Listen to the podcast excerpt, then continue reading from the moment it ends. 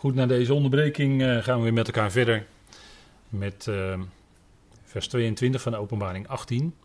En vlak voor de pauze heb ik u uh, iets gezegd over de werking van het zuurdesem. En het zuurdesem dat is, uh, heeft de neiging om dus te groeien. Hè. Dan gaat de deeg gaat groter worden. En dat heb ik toen vergeleken met de economie. En dat, het eigenlijk, dat de economie altijd maar moet groeien. Je kunt je afvragen of dat wel zo goed is. En wat wij dus in onze dagen ook zien, is dat uh, de hoeveelheid geld uh, enorm is gegroeid sinds uh, de laatste financiële crisis. Die begon in 2007, 2008. Is die geldhoeveelheid enorm gegroeid. En uh, dat is toch een merkwaardig iets, hè? geld. Geld is eigenlijk een heel merkwaardig iets. Het is eigenlijk een ruilmiddel. Uh, je, zoveel geld betaal je voor een bepaalde goede, goede, goederen of bepaald product. Dus je betaalt zoveel geld voor een bepaald product. Of je betaalt zoveel geld per maand om een, ergens een abonnement op te hebben. Nou, enzovoort. U kent de werking van het geld, hè? Nou is die geldhoeveelheid is, uh, zo astronomisch groot geworden dat we eigenlijk geen idee meer hebben hoeveel het is. Als we kijken met welke bedragen de huidige crisis, uh, laten we maar zeggen, gefinancierd moet worden. Veel mensen die kunnen niet werken omdat winkels en bedrijven en alles gewoon dicht zijn. Die liggen gewoon plat.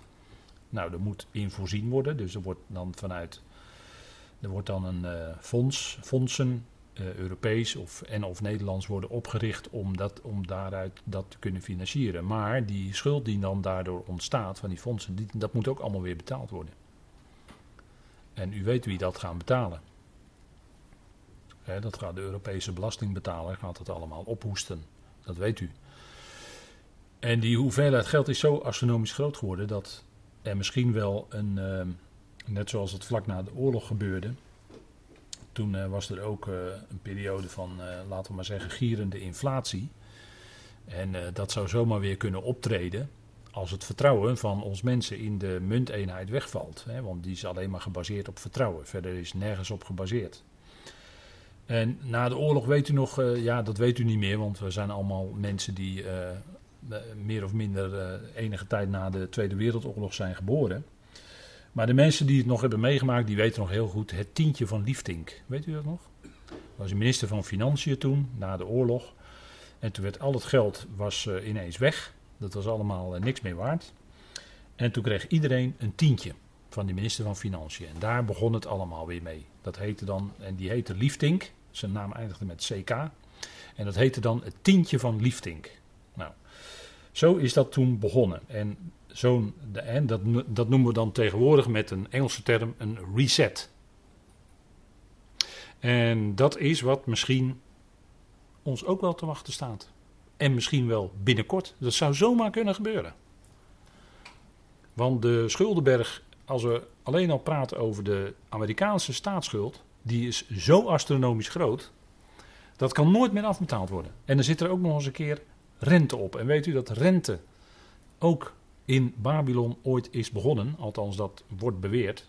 Onderzoekers die zeggen dat, het, het systeem van rente ooit in Babylon is begonnen. Israël mag het niet doen, staat in de Torah, geen rente heffen. Of met een ouder woord, woeker werd het vroeger genoemd. En later heeft men daar, woeker is eigenlijk rente en rente is woeker, maar later heeft men daar onderscheid in gemaakt. En als het dan hoge rente is, praat men dan over woekerrente. Dat even die begrippen. Hè. Maar rente, dat is eigenlijk iets wat. Ja, dat heeft een, dat heeft een, een, een wurgend karakter eigenlijk. Want als, er, als je een bedrag leent en daarbovenop moet je ook nog eens een keer rente betalen. dan is dat veel en veel moeilijker om dat af te betalen. Want de rente, dat gaat maar door en dat gaat maar door. En dan heb je ook nog een verschijnsel van rente op rente. Dus jouw schuld wordt groter doordat de rente wordt eh, bij, bijgeschreven die je ook moet aflossen. En dat grotere bedrag, daarvoor moet je ook weer rente gaan betalen. Nou, u begrijpt, kun je nooit aflossen.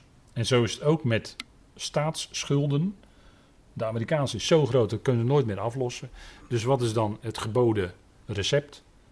Een reset. En het zou zomaar kunnen dat dit binnenkort gaat gebeuren. Dat wij dit nog zullen meemaken. Zou zomaar kunnen.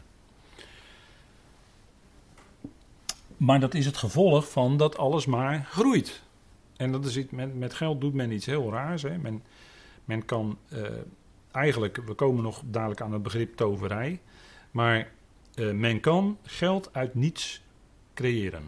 Er is niets en men doet een druk op de knop. Ik heb het voor, op televisie gezien bij een uitzending van VPRO's Tegenlicht. Daar werd dat gezien, daar werd dat getoond. Een druk op de knop en men kocht obligaties op of schuldpapieren kocht men op. Er was in die computer, er was, er, daaronder zat geen geldbedrag, maar men kocht het gewoon op. Dus eerst was het er niet en druk op de knop en men had een bedrag opgekocht. Zo doen de centrale, zo deden en doen de centrale banken dat. En dat gaat met miljarden per maand. Nou, u begrijpt dat dan er iets ontstaat wat op een gegeven moment zo groot is, dat is niet meer te behappen. En dat is eigenlijk een vorm van, wat, wat, wat we dan in de openbaring zo meteen tegenkomen, een vorm van toverij in feite wat er gebeurt. En dus dat is, dit zijn hele rare dingen.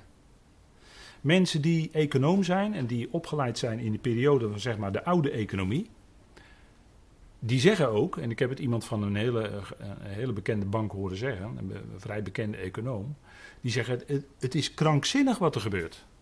Wat ik u net vertelde.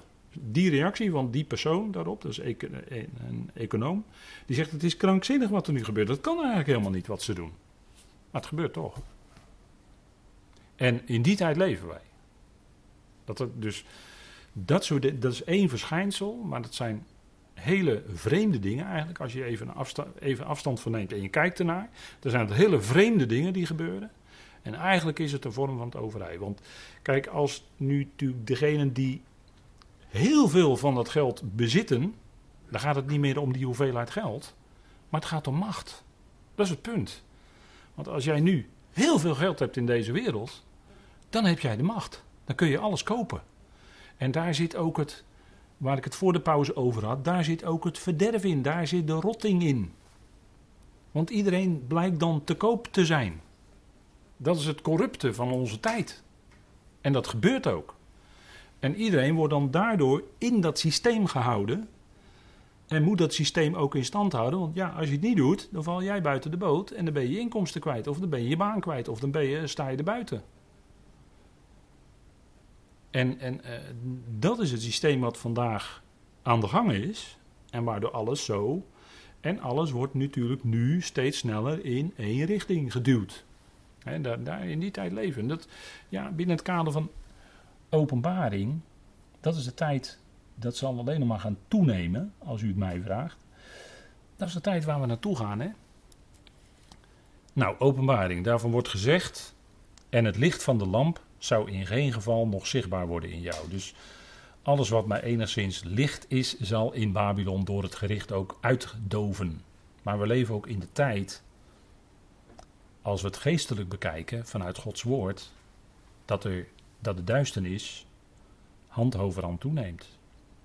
Ik kan ook zeggen dat het licht, en dan bedoel ik het licht van Gods woord, want Gods woord is licht. Hè, dat is een hele mooie metafoor, maar Gods woord hè, is licht. Uw woord is een lamp voor mijn voet en een licht op mijn pad, zegt de psalmist.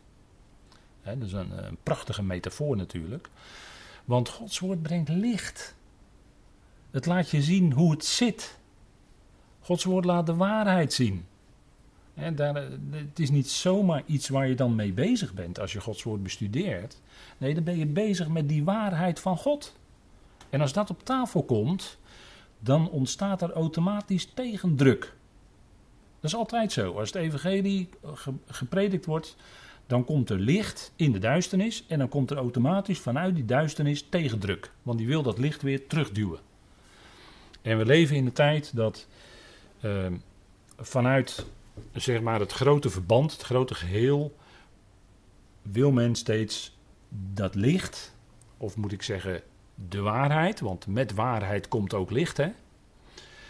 wil men de waarheid steeds onderdrukken. de waarheid heeft de neiging om steeds naar boven te komen. Weet wel, het bekende voorbeeld van als je een bal onder water onderhoudt, dan heeft die bal steeds de neiging om naar boven, ploep, en boven dat water uit te komen. Maar je moet druk uitoefenen om die bal eronder te houden. Dat gebeurt ook met de waarheid. Men oefent druk uit om die waarheid eronder te houden. Daar doet men heel veel moeite voor in onze dagen. Het gebeurt onder je ogen, je ziet het. En uh, die waarheid die wil dus wel aan het licht komen. Want dat, dat is wat de waarheid wil doen. Die wil naar voren komen en die wil licht brengen. Maar het wordt aan alle kanten wordt dat tegengewerkt, tegengehouden, tegendruk. Het punt is, kijk, als, als, als dingen aan het licht komen zoals ze werkelijk zitten, dan zegt uh, Paulus daarvan in, in Efeze 5, al wat openbaar maakt is licht. Alles wat iets bekend maakt zoals het is, is licht. Kijk, en Gods woord maakt bekend wie God is. En dan krijg je dus het juiste zicht op wie God werkelijk is. God is liefde. God is de redder van alle mensen. Dat is niet iets dat, dat je kan zeggen dat het betwijfelbaar is of dat je dat kan bediscussiëren. Dat mag je allemaal doen. Maar God is liefde en God is de redder van alle mensen. Dat is gewoon de waarheid. En dat is iets wat lange tijd ook binnen het christendom onderdrukt is geworden. Binnen het grote deel van de kerk. Hè? Dat, want als je niet geloofde, dan ga je voor eeuwig verloren. Binnen de Rooms-Katholieke Kerk had je dan nog een mogelijkheid om via het vagevuur, dan was nog een beetje onzeker. Maar anders ga je voor eeuwig verloren, verschrikkelijk. En dan krijg je de schilderijen van Jeroen Bos enzovoort. Nou, ik hoef je dat allemaal niet te noemen. Maar daardoor werd die waarheid dat God redder is, werd onderdrukt. En dat is in de laatste 100, wat ik zeggen, 100, 200 jaar is dat weer sterk naar voren gekomen. Er waren altijd wel stemmen die het zeiden. Hè, die die waarheid dat God de redder is van alle mensen, van de hele wereld. Er waren altijd wel die het zeiden, maar dat was allemaal incidenteel. Maar het werd weggedrukt. En ik ben ervan overtuigd dat al die tijd, al die 2000 jaar, zijn er altijd mensen geweest die dat geloofden. Die niet konden voorstellen dat God zo zou zijn dat hij enkele, of misschien wel heel veel, voor eeuwig uit zijn nabijheid zou verbannen. Laat ik het zo maar zeggen. Die konden het niet voorstellen bij God. En dat is ook niet zo. Kijk, God is liefde en hij is de redder van alle mensen. Dat is een feit wat in Gods woord staat. Zo is het. En die waarheid is lange tijd onderdrukt geworden, maar die komt naar boven. En vroeg of laat zullen de, ook de dingen die in onze dagen plaatsvinden, de waarheid daarover, zal ook aan het licht komen. Wanneer weet ik niet, maar op Gods tijd zal het absoluut een keer blijken. En dat is hoe dan ook, of het nu is nu, of aan het einde van Gods plan, of bij de grote witte troon, maar voor al die mensen zal die waarheid gewoon gaan blijken. Het punt is dat openbaring ook laat, eh, duidelijk laat zien hoe het in de eindtijd zal gaan. En als je al die verklaringen weg en je gaat puur Gods woord zelf bestuderen, dan ga je ontdekken hoe het zit. En hoe, hoe dichter we erbij komen, denk ik, hoe duidelijker we kunnen zien uh, hoe dat plaats gaat vinden. En er zijn natuurlijk hele bijzondere verschijnselen die we hebben besproken. Bijvoorbeeld in Openbaring 9. Hè, dat is een heel akelig hoofdstuk. Waarin de afgrond open gaat. En waarin er allerlei. Wat, zal, wat zijn het? Wezens of uh, misschien helikopters. Of wat zullen. Hè, van schorpioenen. Ik weet het allemaal niet. Maar die zullen de mensen gaan pijnigen. Vijf maanden lang. En de mensen zullen dan de dood zoeken. Maar de dood zal van hen wijken. Dus dat is heel erg wat er dan gaat gebeuren. Dat is heel erg. En ik wens niemand toe dat hij dat meemaakt, maar mensen zullen het meegemaakt. Dat, dat is nou eenmaal iets wat in Gods woord ook beschreven staat. Maar zo zal het wel gaan. En dat is misschien, uh, ja, dat, dat zijn allemaal stappen die God zet om tot verlossing te komen. Dat zijn aanzetten waarin blijkt dat die verontwaardiging van God gaat komen. En die moet ook komen en die gaat een einde maken aan het systeem. Het systeem wat in openbaring beschreven staat. Licht. Licht. Nou, dat licht wat dan in Babylon is, dat zal natuurlijk niet het ware licht zijn, maar dat zal dan ook gedoofd worden. En het ware licht van Gods woord zal blijven. En dan staat er in vers 23, B, en het geluid van bruidegom en bruid zou in geen geval nog gehoord worden in jou. En als je dit leest, dan moet je toch onwillekeurig denken aan wat de Heer Jezus zegt in Matthäus 24. En uh, in parallelteksten in Marcus en Lucas. Dat uh, het zal zijn als in de dagen van Noach. En in de dagen van Noach was het vlak voor de grote vloed, hè, dat de hele zaak uh, verging. Einde van de tweede aion. Dan vergelijkt de Heer Jezus dat, het einde van deze derde aion, waar we dus zo dichtbij zitten, vergelijkt de Heer Jezus met het einde van de tweede aion. En dan zegt hij, het zal zijn als in de dagen van Noach.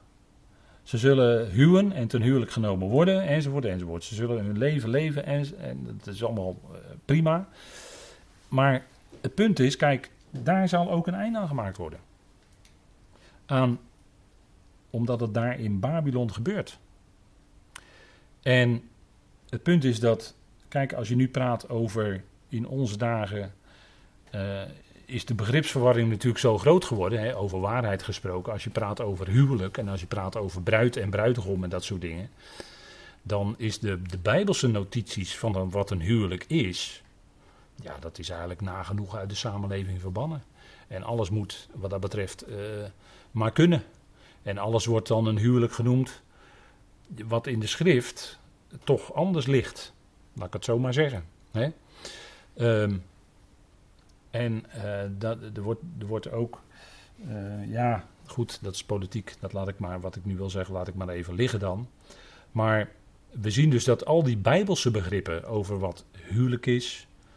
Hè, en wat, uh, wat het naar de schrift is. En dat het een, een eigenlijk een afspiegeling is van God en de schepping. En van Israël. En dat is natuurlijk in de toekomst. Hè. Israël is de bruid. Dan zal de Heer in het huwelijk treden met zijn volk Israël. Dat is de Bijbelse notitie. Dat zal in de komende duizend jaar zo zijn. Die wordt genoemd de bruiloft van het Lam. De komende duizend jaar, dan is Israël de bruid. Ook zo'n punt hè, waarover zoveel verwarring is. Dat mensen zeggen dat de gemeente het lichaam van Christus de bruid is. Nee, de gemeente is het lichaam van Christus. De gemeente is niet de bruid. Dat kunnen ze ook met geen enkele tekst hard maken. Maar er wordt gewoon gesteld door mensen dat de gemeente de bruid is. En dus is de gemeente de bruid. Ja, dan bewijs je niks. Dan stel je het alleen maar. Maar ga je het nou, wil je nou zeggen, ga je tegen iemand zeggen, ga het nou eens aantonen uit de schrift. Dan kun je uit de schrift niet aantonen dat de gemeente de bruid is. Onmogelijk. Begrip bruid wordt nooit op de gemeente toegepast. Wel een huwelijk in Efeze 5. En dat is de verhouding tussen Christus en de gemeente. Maar dan gaat het om de verhouding van man en vrouw in het huwelijk. En dan gaat het dus niet om bruid en bruidegom, want dat is dan al geweest, die dag. Dus dat kun je niet zeggen. Dat kun je niet zeggen. Er is geen enkel bewijs voor in de schrift. Israël is de bruid. En we hebben daar in het ja, redelijk recente verleden toch nog wel met elkaar over gesproken. een aantal avonden. Wat is Israël nou? Is dat nou het volk? Is dat nou een lichaam? Of is dat nou de bruid? Nou, daar is in die studies antwoord op gegeven vanuit Gods woord. maar in onze tijd is ook dit belangrijke punt, wat zo wezenlijk is voor mensen, gezinnen, hoe mensen met elkaar omgaan, is dat ook allemaal. En het komt allemaal uit een bepaalde hoek. Wordt allemaal ondergraven, wordt allemaal ter discussie gesteld. En nou, u weet het allemaal. Het moet allemaal kunnen. Het is allemaal in feite. En dat is in feite, daarin zie je hè, dat het allemaal door elkaar gehusseld is. En dat alles maar huwelijk genoemd moet worden, wat naar de schrift toch anders ligt. Daarin zie je het wetteloze karakter van deze tijd.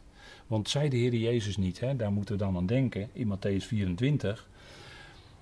Omdat de wetteloosheid zal toenemen, zal de liefde van de meesten verkillen. En in die dagen leven we al. En het gaat alleen maar naarmate de tijd voordat gaat dat steeds meer zich laten voelen en laten gelden. De toename van de wetteloosheid, dat men dus die normen van God achter zich laat en daarbuiten treedt. En dat kan een mens nooit zomaar doen. Dat zal uh, schade opleveren. Dat levert schade op, dat kan niet anders. Nou, openbaring zegt hier ook het geluid van bruidegom en bruid. Dus er zal geen uh, feestelijkheden meer kunnen plaatsvinden. Want het, zal, het gericht zal over Babylon komen. En het zal daar niet meer gebeuren. Het zal daar niet meer kunnen plaatsvinden. En dan staat er ook, en jouw koopmannen waren de grootste van de aarde, omdat in jouw toverij alle natieën tot dwaling gebracht waren. Ziet u hier het woord toverij? En het wordt hier in verband gebracht met koopmannen, met de handel en dus ook met het geld. Hè? Vandaar dat ik er daarnet iets over zei. Kijk, dat is een hele. Dat geld, hè, hier is een, u ziet hier een plaatje met een letterlijke geldschep. Hè, dus een, letterlijke schep die geld schept. Maar ik bedoelde het natuurlijk overdrachtelijk. Uh, geld wordt geschapen uit niets. Daar is geen onderliggende waarde. Vroeger was de onderliggende waarde voor geld was goud en of zilver. Maar die goudstandaard is losgelaten. En nu is er geen onderliggende waarde meer. Dus wat is geld? Dus alleen maar als je er vertrouwen in hebt dat het, dat het waarde vertegenwoordigt, dan is het, heeft het een waarde voor je. Maar eigenlijk is het, heeft het geen waarde meer, geld. En dat is ook zo met de handel. Kijk, met de handel maak je winst. Als je gewoon je werk doet, dan werk je, verricht je bepaalde arbeidsprestatie en je verkrijgt daardoor inkomsten om te kunnen leven. Je werkt om te leven. Maar er zijn heel veel mensen die beginnen bijvoorbeeld een eigen bedrijf of die gaan allerlei dingen doen omdat die graag winst willen maken. Maar is winst maken nou eigenlijk, als je het nou even in het oog van de Bijbel, hè, in het licht van de Bijbel, is winst maken nou zo'n Bijbels principe? Ik denk niet dat je dat in de Bijbel zo 1, 2, 3 tegenkomt. Maar waar het om gaat bij mensen is dat ze winst maken. En dan laten ze geld, gaan ze met geld gaan ze handelen. En dat, met geld wordt ook gehandeld natuurlijk, dat weet u niet alleen met aandelen, maar ook met geld zelf wordt gehandeld. met wisselkoersen en daar wordt dan ook winst op gemaakt. Maar in feite is dat ook een vorm van toverij. En het, en het Griekse woord is toch wel merkwaardig, is pharmakeia. En dat woord herkent u denk ik wel, hè? Pharmakeia, farmacie. En dat woord kennen wij in, in de farmaceutische industrie. Daar is het woord van afgeleid. Dus ik denk dat u daar, misschien moet u daar maar eens goed over nadenken. Dat dat Griekse woord, uh, dat daarvan is afgeleid, farmaceutische industrie. Denkt u er maar eens over na. kijk, en toverij in Galaten 5, Paulus is natuurlijk altijd heel duidelijk. Hè? Bij Paulus heb je altijd pats, zo zit het. Toverij is een werk van het vlees. Gewoon. Zeg, zegt Paulus daar in het rijtje. Gelaten vijf werken van het vlees. Noemt hij toverij. Gebruikt hij het woord pharmakeia. Dan ziet u het, hè? Kijk, en het punt is, kijk, in openbaring 9, waar ik er net al heel even aan refereerde, daar komt een enorm gericht. Hè, er gebeuren hele uh, erge dingen, om het zo maar te zeggen. En dan staat er dat men zich niet bekeert. Ondanks dat men dat ziet gebeuren en men weet dat het van de God van de hemel, de God van Israël afkomstig is. Dat weet men dan. En, en wees u ervan overtuigd dat uh, meer mensen dan u denkt heel bewust weten dat God er eigenlijk wel is, maar willen ze niet. Willen ze niet. En dan nemen ze heel bewust afstand van. Maar ergens heel diep van binnen, hè, want je bent als mens geschapen door God. Dus er zit heel diep van binnen altijd in de mens iets dat die God toch willen erkennen. Maar dat wordt allemaal weggedrukt, dat wordt ondergedrukt. Of het wordt wegge, weggeduwd, weggestopt.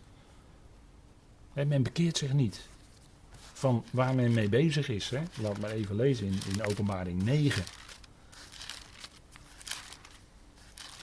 Openbaring 9, vers 21. Eh, We hebben het al behandeld, dus ik, ik, lees het alleen maar even met u.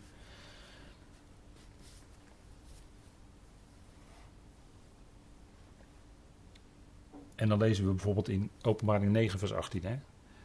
En door deze drie, en wie dat zijn moet u dan maar zelf lezen, werd het derde van de mensen gedood. Hè? Dus het derde deel van de dan levende mensheid wordt daardoor gedood. Dat is natuurlijk een enorm iets. Er gaan ontzettend veel mensen dan dood. Door het vuur, de rook en de zwavel die uit de mond kwamen. Want hun macht ligt in hun mond en in hun staart. Want hun staarten zijn als slangen met koppen eraan. En daarmee brengen ze schade toe. En de overige mensen die niet door deze plagen werden gedood. bekeerden zich niet van de werken van hun handen. Zij bleven de demonen aanbidden. De gouden, zilveren, koperen stenen en houten afgoden die ze niet kunnen zien, horen of lopen. Ook bekeerden zij zich niet van hun moorden, van hun tovenarij van hun ontucht, van de, of hoerderij, en het plegen van diefstal. Dus ondanks dat ze dit zien gebeuren, En ze eigenlijk wel beseffen, dit is wat de Engelsen dan zeggen, een act of God. Hè, wat er gebeurt. Zoveel mensen gedood. Dat is, eh, ja, wat voor woorden heb je daarvoor? Surrealistisch, apocalyptisch. Nou, dit is de apocalyps. Dit is openbaring. Dit zijn apocalyptische dingen. Die zullen dan gaan plaatsvinden. En uh, dan zullen ze zich nogthans niet van die dingen eh, omkeren waar ze mee bezig zijn. Nochtans, hè, zo hard zullen ze dan zijn van binnen. Zo hard. En dat heeft, als u het mij vraagt, te maken met de invloed van een misleidende geest, demonische geesten, die de mens van binnen zo hard maken dat ze zich, desondanks als ze dit zien gebeuren, zich niet omkeren. Dat is ernstig, dat is ernstig wat er gebeurt. En wat er nog gaat gebeuren zijn ernstige dingen. En natuurlijk is dit het einde niet, zeker niet, want het gaat door. Maar ernstig hoor. En in haar, dus in Babylon, werd bloed gevonden van profeten en heiligen en van alle die geslacht werden op de aarde. Dan moet u denken, die geslacht werden op de aarde. Ik had het voor de pauze ook al over de zielen onder het altaar, hè, openbaring 6. Die geslacht werden dat, zal, dat zal ook gebeuren omdat zij niet willen aanbidden, de tegenstander. Zullen zij geslacht worden, zullen ze gedood worden. Bloed dus. Maar dat gebeurde ook al in, met de profeet in de oudheid. En eh, wat, wat dan in, in een reeks van jaren gebeurd is, dat wordt dan als het ware door God toegeschreven aan Babylon. Dat wil niet zeggen dat dit allemaal ook letterlijk in de stad Babylon zelf gebeurt. Maar het is wel door toedoen van het systeem van. En daarom wordt er door God gerekend, toegerekend aan Babylon zelf. En daarom wordt die stad ook verwoest. Kijk, de heer Jezus die zei er ook iets over. Want we hebben gezien in het verleden dat bij de bespreking van het geheimenis Babylon, dat daar uh, een relatief hè, kleine groep afvallige Joden zullen zijn, die heel rijk zijn en die dat systeem zullen beheersen. Dat is onderdeel van die stad. We hebben gezien, die vrouw, die is heel rijk met grote weelden, uh, hoerderij enzovoort. En we hebben gezien bij het bespreken van het geheimenis Babylon dat dat te maken heeft met de afvalligen uit Israël, die niet de God van, van die niet hun God, hè, de God, hun God, Jaweh, aanbidden, maar vervallen zijn tot afgoderij. We hebben ook gezien in de bespreking dat in de profeten wordt afgoderij aangeduid met hoererij of overspel. overspel met andere goden, overspel met afgoden, hoererij. En dat is wat die kleine groep afvallige Joden daar in Babylon mee bezig is. En zelfs vanuit Babylon wordt dat ook opgelegd over de hele wereld. Dus dat zijn de, de, de grote zondaren, om het zo maar te zeggen, van het volk Israël. Die zullen dan in Babylon zijn en midden in dat systeem zitten. En de Heer Jezus die spreekt ook een soortgelijk oordeel uit over de fariseeën en schriftgeleerden in Matthäus 23, de bekende WWU. En dan lezen we even deze versen uit, die ik, ik heb ze hier op de slide ook gezet. Matthäus 23, vers 34 en 35. Daarom zie ik vaardig naar jullie profeten af en wijzen en schrijvers. Sommigen uit hen zullen jullie doden en kruisigen.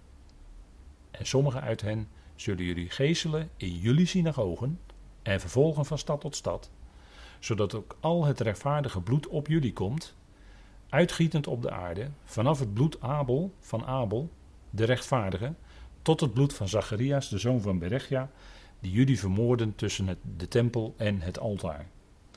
En daar uh, zegt de Heer Jezus in één, uh, in één uitspraak, uh, vanaf de eerste Abel, wiens bloed vergoten werd, tot aan de laatste, die in Tenach genoemd, of die, de laatste van de profeten. het is moeilijk, uh, dat, uh, dat lees je in twee kronieken waarschijnlijk, hè, wat hij daar zegt. Tot het bloed van Zacharias, de zoon van Berechia. Nou, al die profeten en al die gezondenen tot Israël, die hebben ze achtervolgd en gedood enzovoort.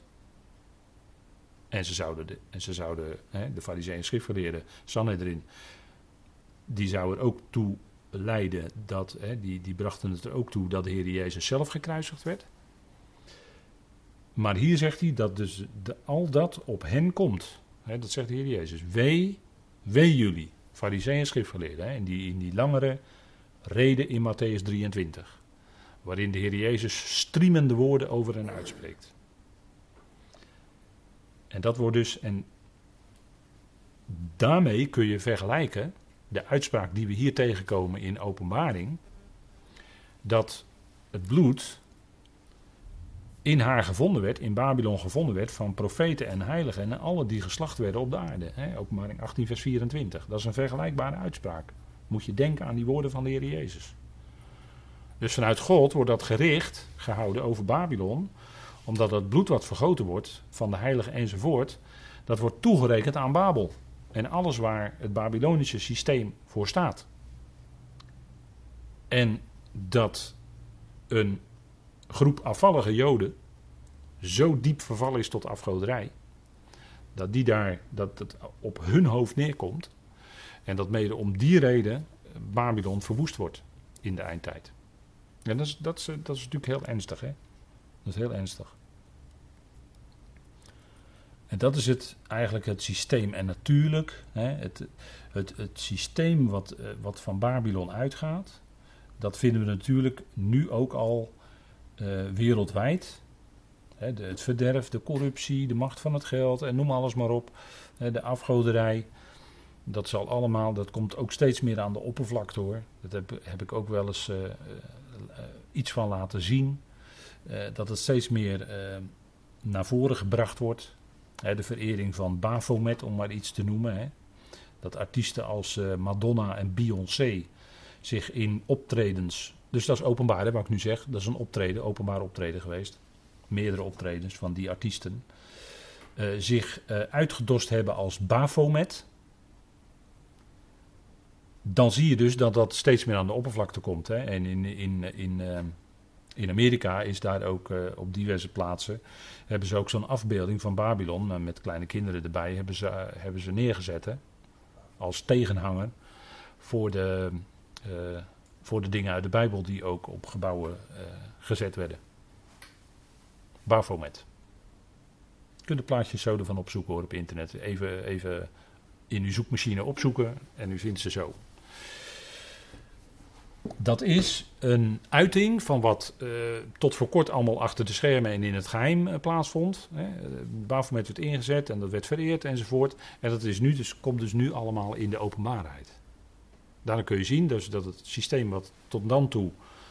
Uh, ja, dat heeft te maken met geheimenis van de wetteloosheid natuurlijk. Het was tot voor kort echt een geheimenis. werd allemaal achter de coulissen gedaan en nog steeds hoor. Maar dat komt dus nu allemaal naar voren. Het wordt nu allemaal openbaar. Iedereen kan het zien. De verering van. En dat gebeurt. En dat zal straks de overhand krijgen in de wereld. En dat, dat, is, dat heeft allemaal met Babylon te maken. Nou, en dat wordt dus toegerekend en daarom komt dat gericht over Babylon. Goed, we gaan nog even verder in Openbaring 19. We lezen. We lezen eerst een aantal versen uit Openbaring 19. Na deze dingen hoor ik iets als een luide stem van een grote menigte in de hemel zeggend: Halleluja! De redding en de heerlijkheid en de kracht zijn van onze God. Want waarachtig en rechtvaardig zijn zijn gerichten. Omdat hij de grote hoer gericht heeft die de aarde verdorven heeft in haar hoerderij. En hij heeft het bloed van zijn slaven gewroken uit haar hand. En een tweede maal hebben zij uitgesproken: Halleluja! En haar rook stijgt op voor de eonen van de eonen. En de 24 oudsten en de vier dieren vielen en aanbaden God die op de troon, die zit op de troon zeggend, Amen, Halleluja. En een stem kwam vanuit de troon zeggend, looft onze God, al zijn slaven, en zij die hem vrezen, de kleine en de grote. Nou, dat is openbaring 19, vers 1 tot en met 5. Wat zien wij? Wij zien een grote menigte in de hemel. En die waren wij ook al te eerder tegengekomen in de openbaring 4 en 5. 24 oudsten, vier dieren. En die rondom de troon zijn. En troon staat natuurlijk voor regering, heerschappij. God zit op de troon. En voor zover die gezien wordt, is het natuurlijk de Heer zelf, hè, Christus Jezus. Als de onderschikker. En dat is wat wij ook lezen in Openbaring 4 en 5. Hè. Die hoofdstukken moet u maar lezen, dan ziet u dat daar dezelfde dingen naar voren komen. Het is, en wat komt dan naar voren? Ehm, er zijn dan vanaf dat moment, openbaring 6 tot en met 19, tot 19 zijn heel veel gerichten geweest, zijn heel veel dingen gebeurd op aarde. En eh, je krijgt dan de indruk dat er vanuit de hemel toegekeken is dat het allemaal plaatsvond. En dat ze dit nu gezien hebben, dat het gericht is voltrokken over Babylon. Daarom juichen zij nu en spreken zij uit, looft God. Hè, halleluja wil zeggen, laat onze ja, dat is de afkorting van Jaweh, laat ons ja loven. Halleluja komt ook vaak in de psalmen voor. Hè. Leest u maar de psalmen 100 tot en met 150. Dan komt u halleluja heel vaak tegen. En amen, dat is natuurlijk ook een Hebreeuws woord. En dat betekent het is betrouwbaar. Of het is geloofwaardig. dus ze zeggen halleluja, amen. Dat, klonk, dat halleluja klonk wel drie keer. En dat amen als een bezegeling van het is betrouwbaar, het is geloofwaardig, het zal gaan gebeuren. Het, gaat zich, het is voltrokken en God had het gezegd. en dan is dat lofprijzing. dat halleluja wordt gezegd in verband met onze grote God. Zij de redding, van hem is de redding, de kracht en de heerlijkheid. Dat is tot lof van hem. Nou, dat is dan fijn om deze avond mee te eindigen. Tot lof van hem. Van hem is alle redding. Van hem is alle kracht. En denkt u ook aan de kracht van zijn opstanding. De kracht waarmee God zijn zoon uit de dood heeft opgewekt. Nou, met die kracht werkt hij ook in u, jou en mij. De heerlijkheid, hè, dat is ook tegelijkertijd zijn heerlijkheid dat hij redder is. Hè, als wij beleiden met wat de schrift zegt, dat God de redder is van alle mensen, dan geven wij eer en heerlijkheid aan God door dat uit te spreken. Het evangelie is een kracht van God tot redding. En als dat evangelie klinkt, dat evangelie spreekt over wie God is, dat evangelie spreekt over wie Christus is, dan is dat tot eer van God. Dan is dat tot zijn heerlijkheid. En dan wordt er ook gezegd, onze grote God. Heb je dat woord groot weer, hè, wat zo vaak in de openbaring voorkomt, hebben we gezien. Nou, van Hem is alle redding. Dus in onze dagen, in de tijd waarin we leven, kun je het moeilijk hebben. Met alle dingen die plaatsvinden, alle beperkingen die er zijn. Tot wie zou je dan gaan? Tot God. Hij is je redder. En dat is wat, wat je vreugde geeft in je hart. Ja, God is mijn redder. Ik kan op Hem vertrouwen met heel mijn hart. Dat is een, denk ik een, een prachtig jaarthema hoor, dit jaar. En we steunen niet op ons eigen inzicht. Nee, we wenden ons tot de schriften. Wat zegt God? En je kunt allerlei overwegingen hebben als mens. Je kunt allerlei dingen bedenken. Maar als we wijsheid willen zoeken en vinden, dan zouden we bij de schrift raden gaan. En dat laten spreken. Want de schrift die spreekt tot eer van God. Die laat zien wie God is. En dan zeggen we met de schrift, ja, looft God. En als we zien hoe groot die God is, dat het in één klap dat hele Babylon is verwoest, vernietigd en komt nooit meer terug. Staat zes keer. In geen geval nog. Komt nooit meer terug. Dan zien we dat dat is een betoning van die grote kracht van God. Die grote God. Die heeft ingegrepen. Snel en hevig en definitief. En dan komt het ook nooit meer terug. Ja, en dan zeg je, ja, die God, ja, die, die kunnen we loven en prijzen. Natuurlijk, dat doen wij. Hij is betrouwbaar. Hij is de, hè, van de Heer Jezus Christus wordt ook gezegd, hij is de Amen. Prachtige beeldspraak, maar dat is ook zo. Hij is betrouwbaar, hij is geloofwaardig, hij doet wat waar is. Hè, de Heer Jezus kon van zichzelf zeggen, ik ben de weg, de waarheid en het leven. Wil je, weg, wil je de weg weten, wil je de waarheid weten, wil je het leven kennen, dan moet je bij Hem terecht. Onze Heer. En dat is en, dan, en als je hem kent en als hij je hart veranderd heeft, ja, dan kun je niet anders dan God loven en prijzen. En dan wil je alleen maar om wijsheid zoeken bij hem. Christus is de wijsheid van God. En, en, waar, en hij is waar en rechtvaardig in zijn richten, want God heeft al het gericht, hè, de Vader heeft al het gericht aan de Zoon gegeven. Dus degene die het gericht hier uitvoert in openbaring is de Zoon. En hij richt, hè, hij is waar en rechtvaardig in zijn richten. Hè, want openbaring 19 zegt, hij richt die grote hoer die de aarde verderft met de roerderij. En hij wreekt het bloed van zijn slaven van haar hand. Hij vergeldt dat. En hij doet dat weg uit zijn ogen. En dat zijn, dan is het definitief beslecht.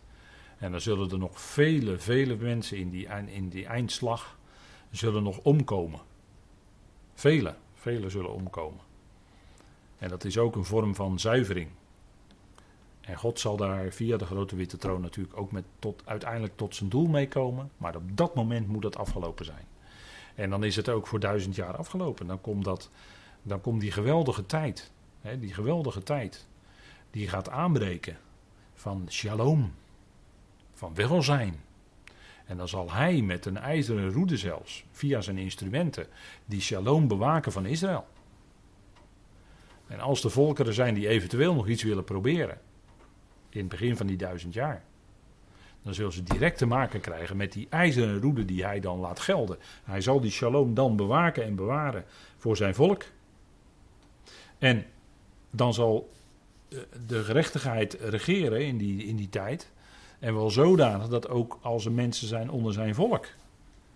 Die dan toch nog willen afvallen, want dat zal ook gebeuren. Dan zullen zij gericht worden en zullen zij terechtkomen in het Gehenna.